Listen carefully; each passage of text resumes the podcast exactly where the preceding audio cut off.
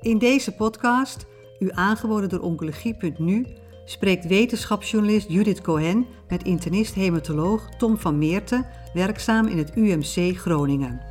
Het UMC Groningen heeft onlangs 30 miljoen euro subsidie van Zorginstituut Nederland en ZON-MW ontvangen voor nader onderzoek naar CAR T-celtherapie voor patiënten met een zeer agressieve vorm van lymfklierkanker.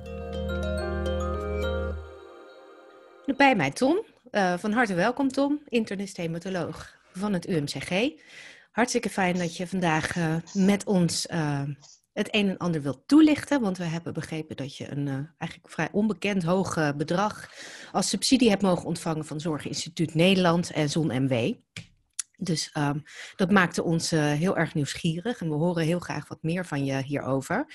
Ik heb ook begrepen dat de subsidie um, is toegekend aan een nieuw onderzoek dat jullie gaan uitvoeren, waarbij jullie de productie van CAR-T-cellen um, eigenlijk zelf gaan uh, overnemen in plaats van dit uh, elders uit te besteden.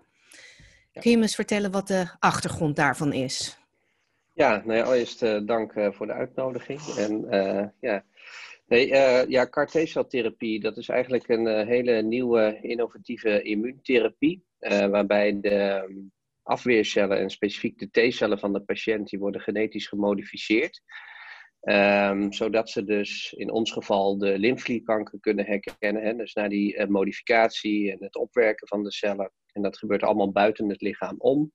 En als die hele productie klaar is, dan, um, um, dan worden die cellen klaargemaakt om weer in de patiënt geïnfundeerd te worden. En dan begint de reactie van de CAR-T-cellen richting uh, en tegen, het, uh, tegen de lymfklierkanker.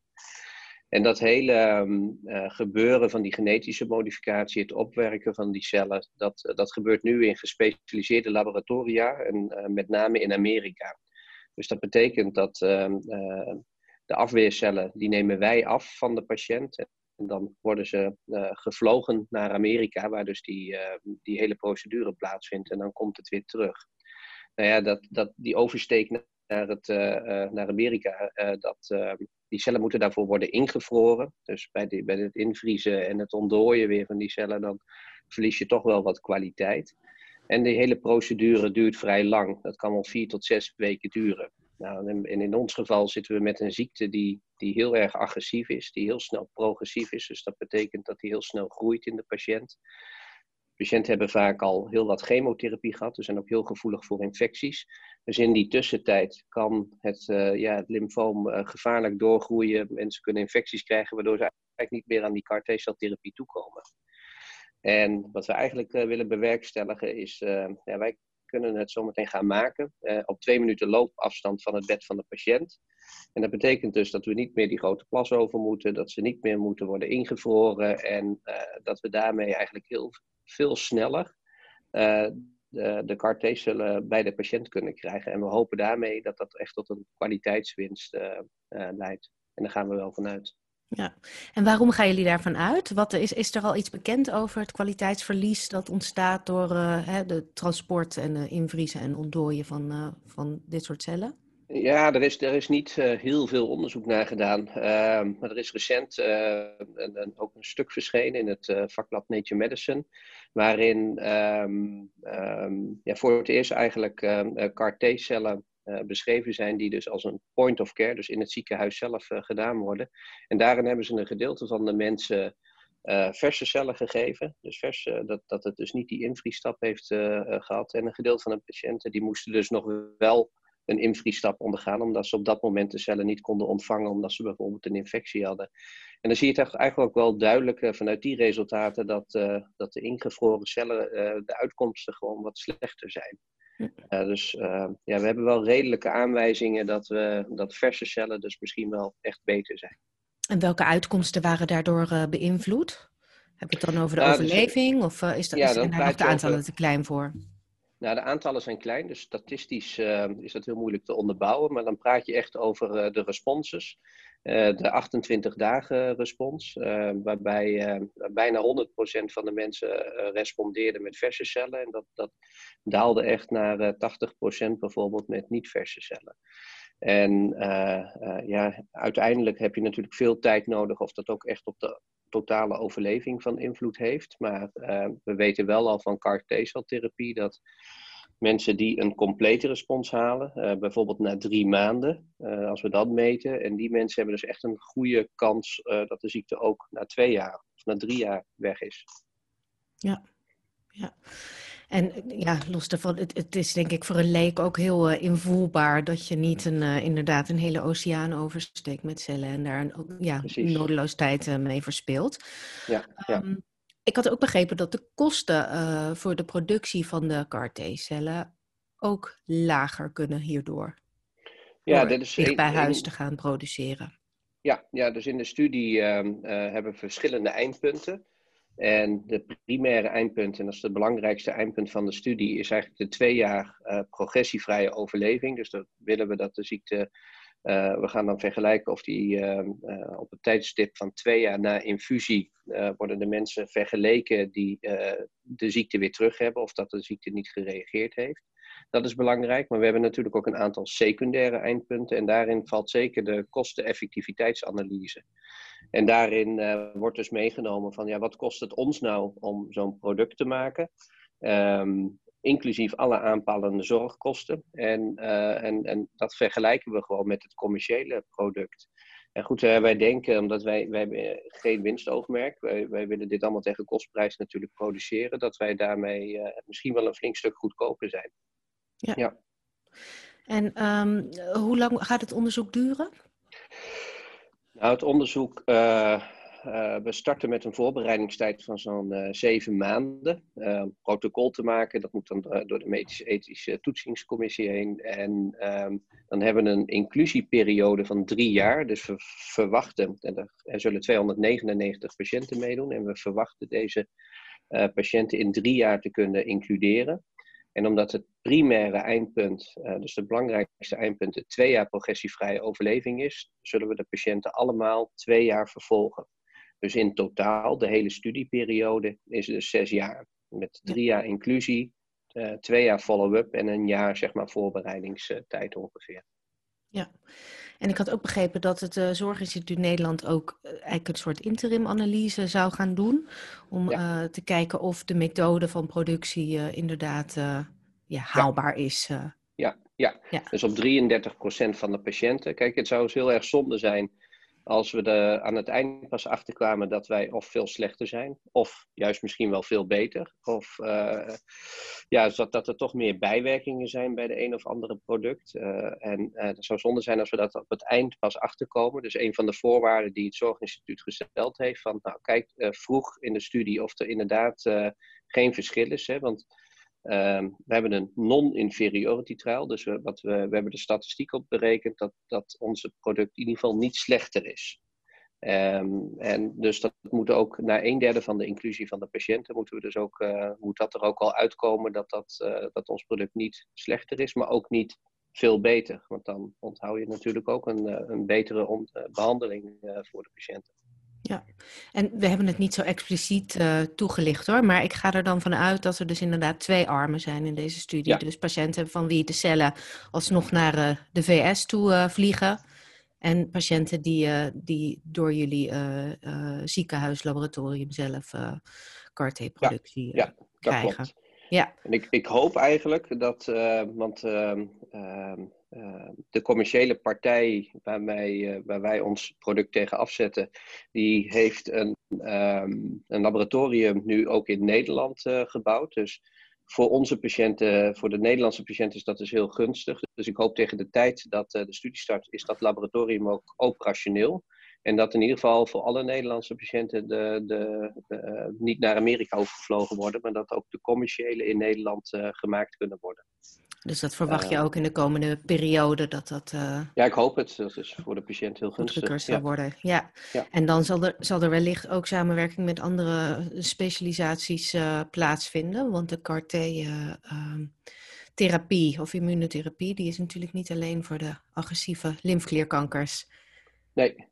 Nee, nee, nee. nee. Het is ja, ja, goed, het, ook voor andere niet-agressieve lymfeklierkankers uh, nou, zijn de eerste resultaten nu bekend geworden dat het daar ook echt een, een belangrijke rol in de, in de behandeling kan spelen.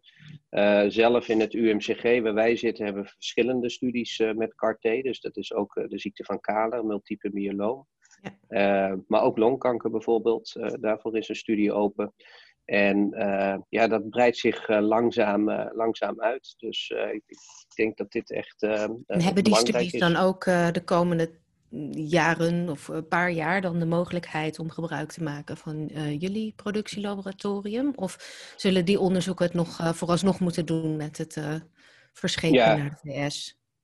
Ja, dat zijn dus, uh, dus voor iedere ziekte moet een eigen CAR ontworpen worden. Want de CAR uh, herkent heel specifiek een eigenschap van een bepaalde kanker. Dus dat zijn andere CAR-T-cellen voor longkanker of voor de ziekte van Kale dan voor lymfeklierkanker.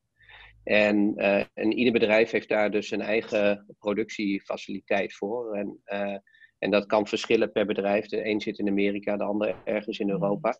Uh, maar uiteindelijk, um, en daarom is denk ik deze studie ook zo belangrijk en uh, wordt er zoveel geïnvesteerd ook vanuit het Zorginstituut. Als wij aantonen dat wij dit uh, kunnen maken en net zo goed zijn als een commercieel partij en we kunnen het goedkoper en we kunnen het sneller en we kunnen de kwaliteit daarmee verhogen en we kunnen verder innoveren, ja, is dit alleen maar goed nieuws ook voor alle andere kankersoorten waar zometeen CAR-T-celtherapie beschikbaar voor wordt. Voor Ja ja, zeker. Ja, want, want heb je een beetje een idee van uh, hoeveel goedkoper het ongeveer zou kunnen worden? Ja, dat is, dat is ingewikkeld. Uh, de vectoren, dus de, uh, als, een, als er een car wordt gemaakt, wordt gebruik gemaakt van een virus. Dat virus, dat, dat noemen we een vector. Daarin zit een stukje DNA, een stukje genmateriaal. En dat wordt dus buiten de lichaam, zal het virus zeg maar, die T-cellen infecteren, waardoor je dus uh, een extra stukje DNA krijgen. En dat extra stukje DNA dat zal weer ervoor zorgen dat dus eigenlijk die T-cel, uh, waar CAR van wordt gemaakt, soort, die CAR is een soort van nieuw wapenuitrusting. Uh, waarmee ze dus een bepaald herkenningspunt op de tumor hebben en meteen geactiveerd raken zodra ze de tumor herkennen. En ehm, daar zitten heel veel patenten op en daar zit alle innovatie in. Dus dat, uh, dat gaat een beetje de kostprijs betalen. Dus dat is nu nog wat wij van een biotechbedrijf uh, zullen, zullen uh, kopen. En ja, dat, dan hopen we dat, dat, ja, dat de prijsafspraken die we nu hebben gemaakt, dat die ook zo blijven, blijven staan natuurlijk. dus daar, zit, daar zullen de meeste kosten zitten. En verder zit er een, een stukje in de productiekosten. Um, bijvoorbeeld in het UMCG hebben we dus een celtherapiefaciliteit. Um, um, ja, die, die moet dus um, echt afgesloten zijn met eigen luchttoevoer van, van de rest van het ziekenhuis. Omdat je dus met genetische modificatie werkt en met virussen. Um, uh, dus de onderhoud daarvan, uh, aanschaffen van alle reagentia en dat soort dingen, daar zitten allemaal wat kosten in. Maar hoe meer we kunnen doen, hoe goedkoper uh, we kunnen worden. En uiteindelijk, nou wat ik al zei, is dat een secundair eindpunt en moeten we dat gaan bekijken. Maar ja, we denken dat we het echt een stuk goedkoper kunnen gaan doen. Ja, ja, nou ja, ja, het is echt tot volgens mij hebben we nog niet eens gezegd hoe hoog de subsidie was, maar 30 miljoen. Ik, ik bedoel, in mijn, uh, mijn ervaring is dat uh, inderdaad, ik, ik las in, uh, in diverse media die spraken over een monstersubsidie. Ik denk dat ja. dat ook wel terecht is. Wat ja. maakt, maakt dit project zo bijzonder dat er een dermate hoge subsidie aan toegekend wordt, volgens jou?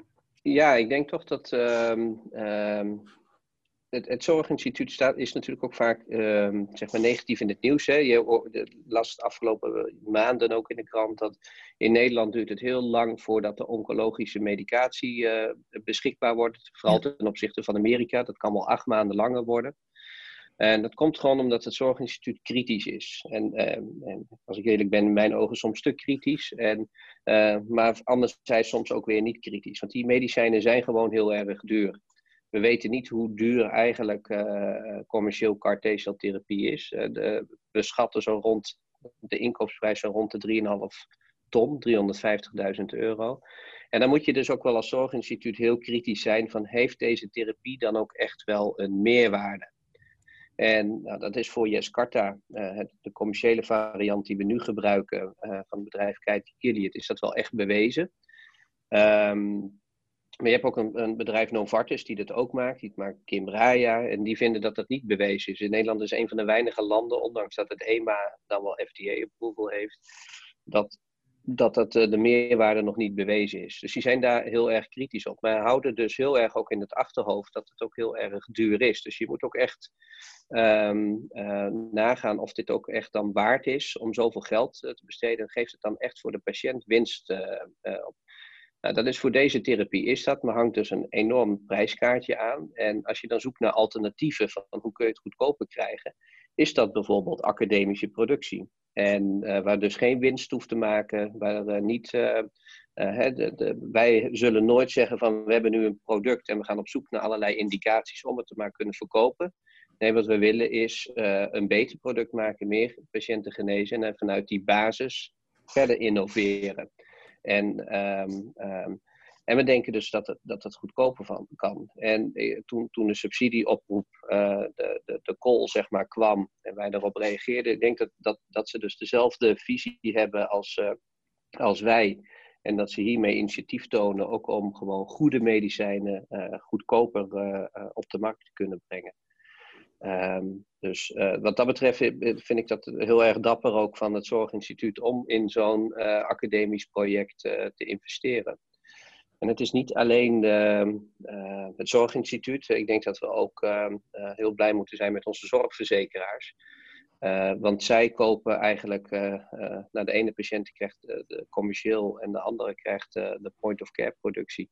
En commercieel wordt ingekocht door de zorgverzekeraars. Dus zij steunen natuurlijk dit, uh, dit project ook. En op de lange termijn ja, uh, moet dat, uh, moet dat niet tot een failliete zorgkosten gaan leiden in Nederland. Als dit soort therapieën maar overal worden, worden toegelaten. Ja. Want de CAR-T-celbehandeling die is sinds mei dit jaar uh, via de basisverzekering vergoed, ja. hè? begreep ja. ik? Ja. Ja, ja, ja. voor de indicatie uh, agressief lymfklierkanker, die twee juist. eerdere lijnen therapie hebben gehad. Ja. Juist, juist. Ja, het is natuurlijk prachtig dat dit, uh, dat dit initiatief beloond wordt met een dermate grote subsidie, hè? want zonder winstoogmerk, um, ja, eigenlijk toch heel veel um, kenmerken van deze uh, behandeling voor patiënten zien te verbeteren. Dus tijdswinst, ja. uh, maar ja. ook uh, de maatschappelijke kosten drukken.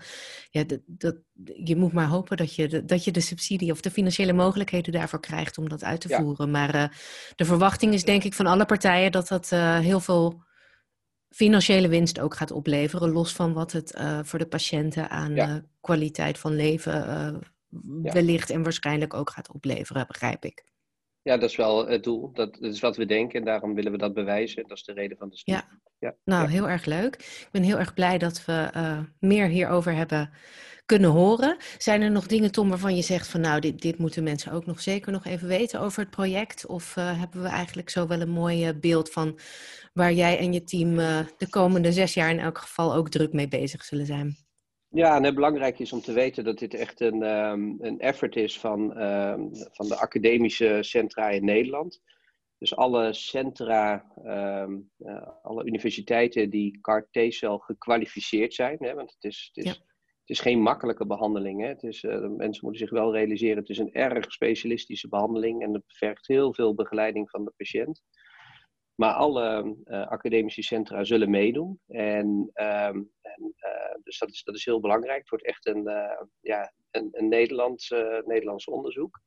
waarbij het UMCG en het Radboud in Nijmegen zullen de cellen gaan produceren. Dus we zullen patiënten uit Amsterdam of uit Rotterdam, die zullen dan naar Groningen of naar Nijmegen gaan om, om een cellen af te geven. En vervolgens weer terug te gaan naar, naar een eigen centrum. En uh, ja, dan maken wij die CAR-T-cellen en zullen dat per courier uh, vers uh, weer, weer, weer gaan, gaan brengen naar bijvoorbeeld Rotterdam of Amsterdam. Um, dus dat, ja, dat is echt ook een stuk goedkoper. En, en, ja, we hebben wel eens laten doorrekenen, ook milieutechnisch. Hè. Vliegtuigen die heen en weer moeten. Als, als, als die cellen worden heen en weer gevlogen, moeten daar twee begeleidende mensen mee. Dus het, het, het levert dus echt heel veel, um, uh, heel veel CO2-voetafdruk, ja. Precies, ja, ja, ja, ja, ja, ja, ja. En, uh, maar dat, ik vind het belangrijk dat dit echt een, uh, ja, een, een team effort is van de verschillende hematologen vanuit de academische centra die meedoen. En ja, dat, hoe beter dit team samenwerkt, hoe beter we dit voor, voor de patiënt waar kunnen maken. Ja, nou, heel mooi. We zijn ontzettend uh, benieuwd uh, naar wat, uh, wat het onderzoek gaat opleveren. Het ziet er allemaal heel positief uit volgens mij. Dus hopelijk hebben we snel goed nieuws. Dan wil ik je hartelijk danken voor al deze extra informatie. En dan sluiten we het hierbij af. Oké, graag gedaan. Bent u geïnteresseerd in meer podcasts? Deze zijn te vinden op de website oncologie.nu.